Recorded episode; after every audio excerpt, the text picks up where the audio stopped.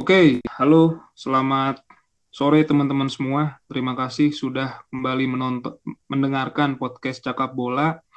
Kali ini eh, kita mau mereview pertandingan yang hari ini 14 April 2021 baru saja berlangsung. Itu adalah PSG melawan Bayern Munchen, lalu ada Porto melawan Chelsea di leg kedua quarter final uh, Champions League. Masih bersama teman saya Elvan, kita bahas dulu dari ba dari PSG Bayern ya, Van? Iya. Oke. Okay. Uh, eh, ya, PSG di pertandingan tadi pagi tumbang 0-1. Tapi karena PSG menang uh, eh, 2-3 di awal, jadi PSG tetap uh, melaju ke semifinal ya berkat yeah. kemenangan gol tandang mereka karena uh, eh, PSG berhasil mencetak tiga gol di di kandang Munchen sementara Munchen hanya berhasil mencetak satu gol gitu. Padahal ini Munchen kalau berhasil mencetak satu lagi sebenarnya lolos ya. Yeah. Tapi ya Paris yang akhirnya lolos ke semifinal. Kamu ngelihatnya gimana, Van, pertandingan tadi? Kalau pertandingan ini ya gak jauh beda dengan pertandingan leg kedua antara PSG dengan Barcelona, di mana di sini sendiri PSG lebih apa ya? Bisa dibilang tuh cari main aman gitu. Ya. Di di tengah keunggulannya. Jadi PSG sendiri memang kalaupun kalah pasti ngejarnya juga kalah tipis. Makanya yang bisa dilihat dari pertandingan kali ini juga uh, kecenderungan PSG sendiri hanya menunggu itu aja apa menunggu terutama Bayern Munchen yang pasti diwajibkan untuk menyerang dan mencetak gol pasti uh, eh, PSG sendiri menunggu adanya itu apa celah di mana pemain PSG sendiri bisa mencetak gol gitu. Namun di pertandingan kali ini memang yang saya lihat uh, PSG sendiri sebenarnya punya banyak peluang gitu untuk dikonversi menjadi gol. Tapi memang ya balik lagi mungkin memang karena eh, dalam pertandingan kali ini sendiri eh, memang bisa dibilang eh, nggak terlalu apa ya bisa dibilang tuh PSG sendiri itu eh, menyerang hanya belum beruntung gitu. Jadi ya. kecenderungannya ya memang banyak peluang yang harusnya jadi gol justru gagal dikonversi menjadi gol. Tapi balik lagi untuk dari Bayar Munchen sendiri ya seperti yang udah diprediksi sebelumnya Bayar Munchen ini memang di pertandingan yang kedua ini di leg kedua kita sendiri sempat memprediksi bahwa Bayar Munchen pas bisa menang gitu ya Nan. Iya, sebelumnya betul. menang ataupun imbang. Tapi walaupun menang ataupun imbang tetap PSG yang melaju ke babak selanjutnya dan ternyata benar gitu ya Nan ya. sesuai dengan prediksi sebelumnya gitu. Karena memang ya dari awal sendiri ya kekosongan lini serang karena nggak ada Lewandowski ini sebagai striker murninya dari Bayern Munchen ini memang memberikan suatu kesulitan untuk Bayern Munchen sendiri untuk mencetak gol sih. Kalau menurut saya sih kayak gitu sih Nan. Kalau menurut kamu sendiri gimana? Ya, eh, di statistik sedikit kita melihat ya bahwa uh, ball possession masih tetap sama seperti di leg pertama Bayern Munchen menguasai 56%, sementara Betul. PSG 44. Tapi uh, statistik ball possession itu lebih kecil sebetulnya daripada yang leg pertama ya, di mana kita lihat Bayern Munchen lebih mendominasi pertandingan dengan ball possession 61%, sementara Paris hanya 39%. Iya. Saya melihat eh, Bayern Munchen ini eh, ya eh bukan apa PSG ini eh, berbeda cara bermainnya seperti di leg pertama. Ya. Kalau di leg pertama kita melihat mereka lebih sering lebih sering bertahan gitu ya.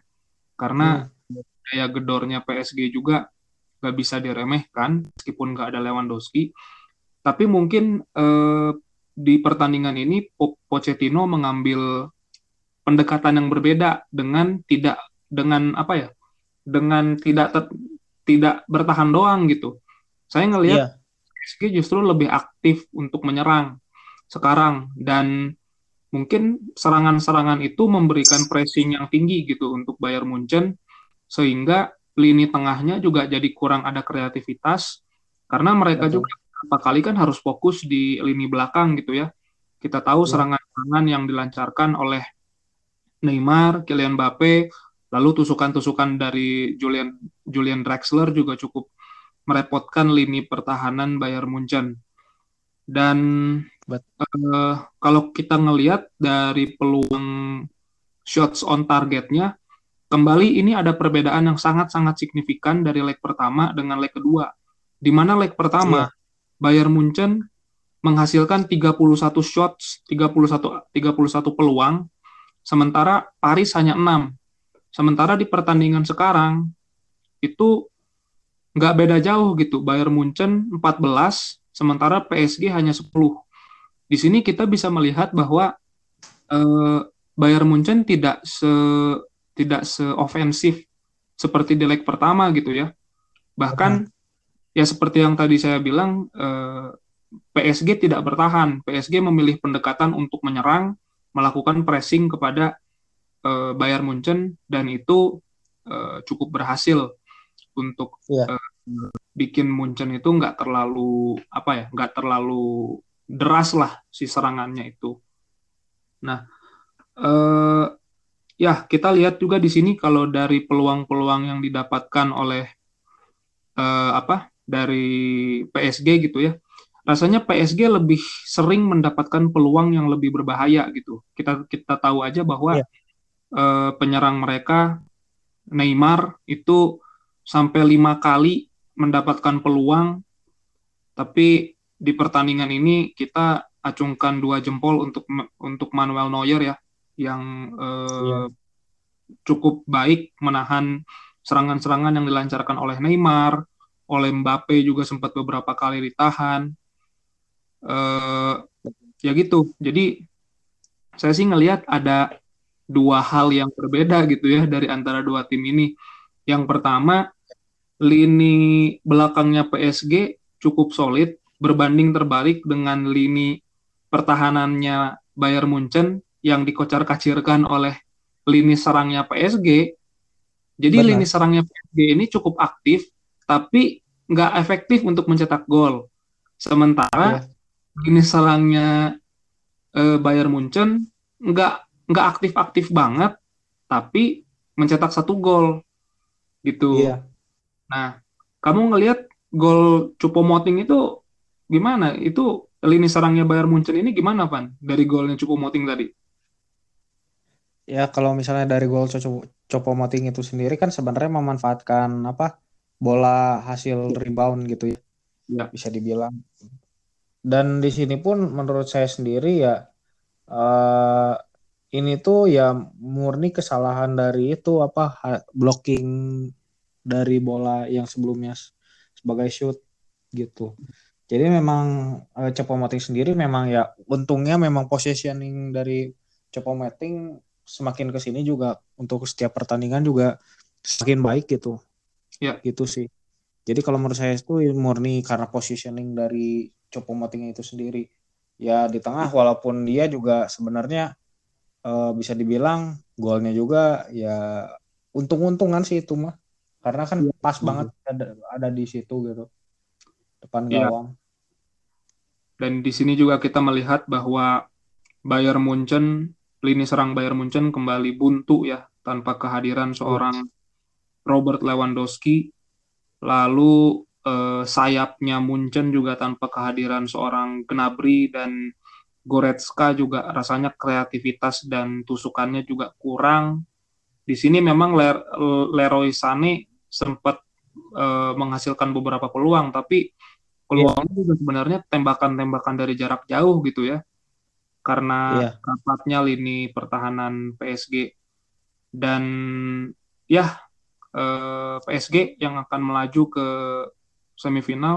Kamu melihat seberapa layak kan PSG maju ke semifinal ketimbang Bayern? Kalau menurut saya sih memang dari awal juga eh, PSG itu layak gitu untuk melaju ke babak selanjutnya di tengah kan PSG juga uh, sesuai dengan awalnya mereka kan berambisi untuk mendapatkan gelar UCL pertama mereka gitu sepanjang sejarah di mana memang kalau misalnya kita ngelihat juga dari performa PSG di ini pun apa di UCL tahun ini dari fase grup hingga akhirnya fase gugur dan akhirnya sampai ke titik ini juga cukup mengesankan walaupun sempat kalah waktu pertama pertama kan sama MU gitu ya. Ya ya. Tapi balik lagi kalau menurut saya sih memang layak karena mentalnya juga kan udah terbentuk lebih terbentuk untuk ke pertandingan kali ini itu pertandingan ya. dan UCL musim ini. Ya, eh, ditambah lagi mungkin tahun kemarin mereka pernah masuk final gitu ya, eh, Champions League. Iya. Dan ini tentunya eh, balas dendam yang manis untuk menyingkirkan Bayern Munchen di iya. ya, meskipun masih di quarter final ya.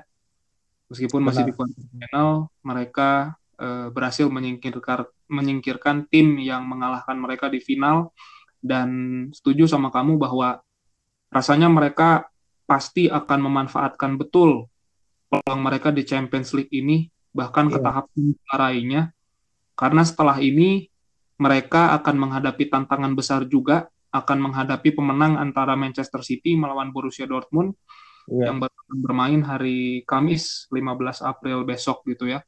Betul. Perjalanan PSG di Champions League tahun ini memang uh, bukan perjalanan yang mudah juga di apa di fase grup juga mereka ketemu MU, ketemu Benar. Basak Sehir sama Leipzig gitu ya, tim-tim yang yeah. cukup kuat dan baru masuk 16 besar mereka ketemu Barcelona, tapi mereka berhasil menyingkirkan Barcelona dan sekarang mereka menyingkirkan Bayern Munchen yang jadi yeah. salah satu juara. Jadi kita nggak bisa pandang sebelah mata PSG bahkan sama sekali kita nggak bisa punya kalimat sebelah mata gitu ya karena PSG yeah. ini cukup dijagokan juga untuk menjuarai uh, Champions League tahun ini. Iya. Yeah.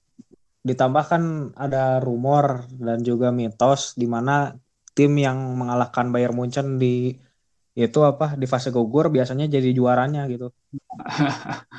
iya, iya kan? Ada mitos itu ya. Ya, mitos itu. Jadi uh, memang PSG sendiri semakin ke sini juga semakin dijagokan kalau menurut saya sih. Iya. Apalagi ketemuan selanjutnya yang dinanti-nanti di mana PSG mungkin akan ber kalau menurut saya sih akan bertemu dengan Manchester City gitu.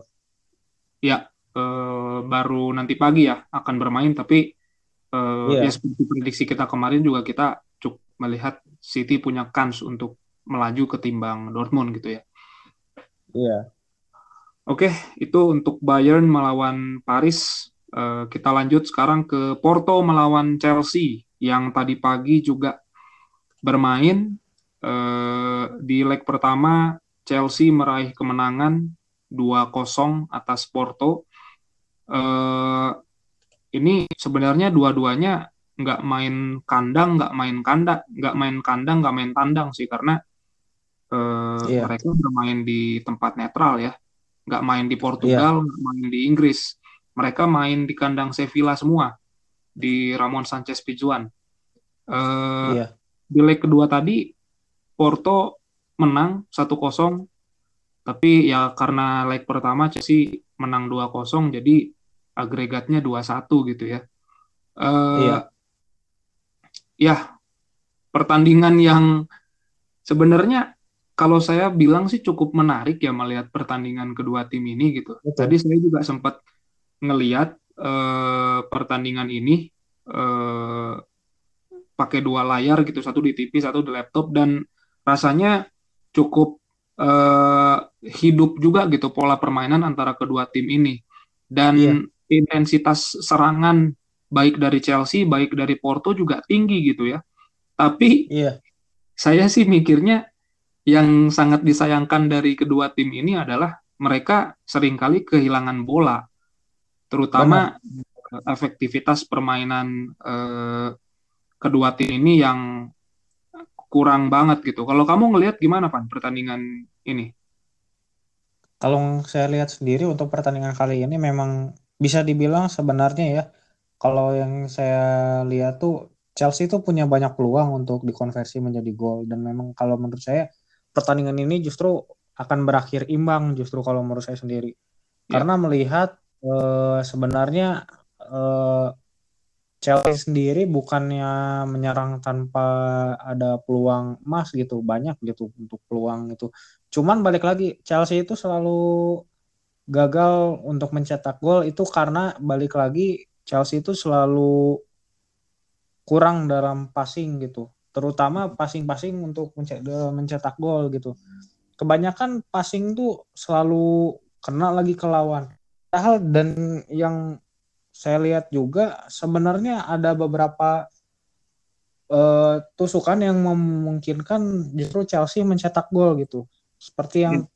Tadi Havertz yang seharusnya mengoper ke arah tengah ke Mason Mount yang harusnya jadi gol justru malah dibawa terus ke depan dan baru dioperkan ketika sudah uh, terlalu dekat dan jarak apa uh, sudut operannya juga semakin sempit. Jadi memang kalau bisa dibilang uh, Chelsea itu masih punya banyak PR terutama yaitu untuk passing dan juga koordinasi dalam menyerang gitu.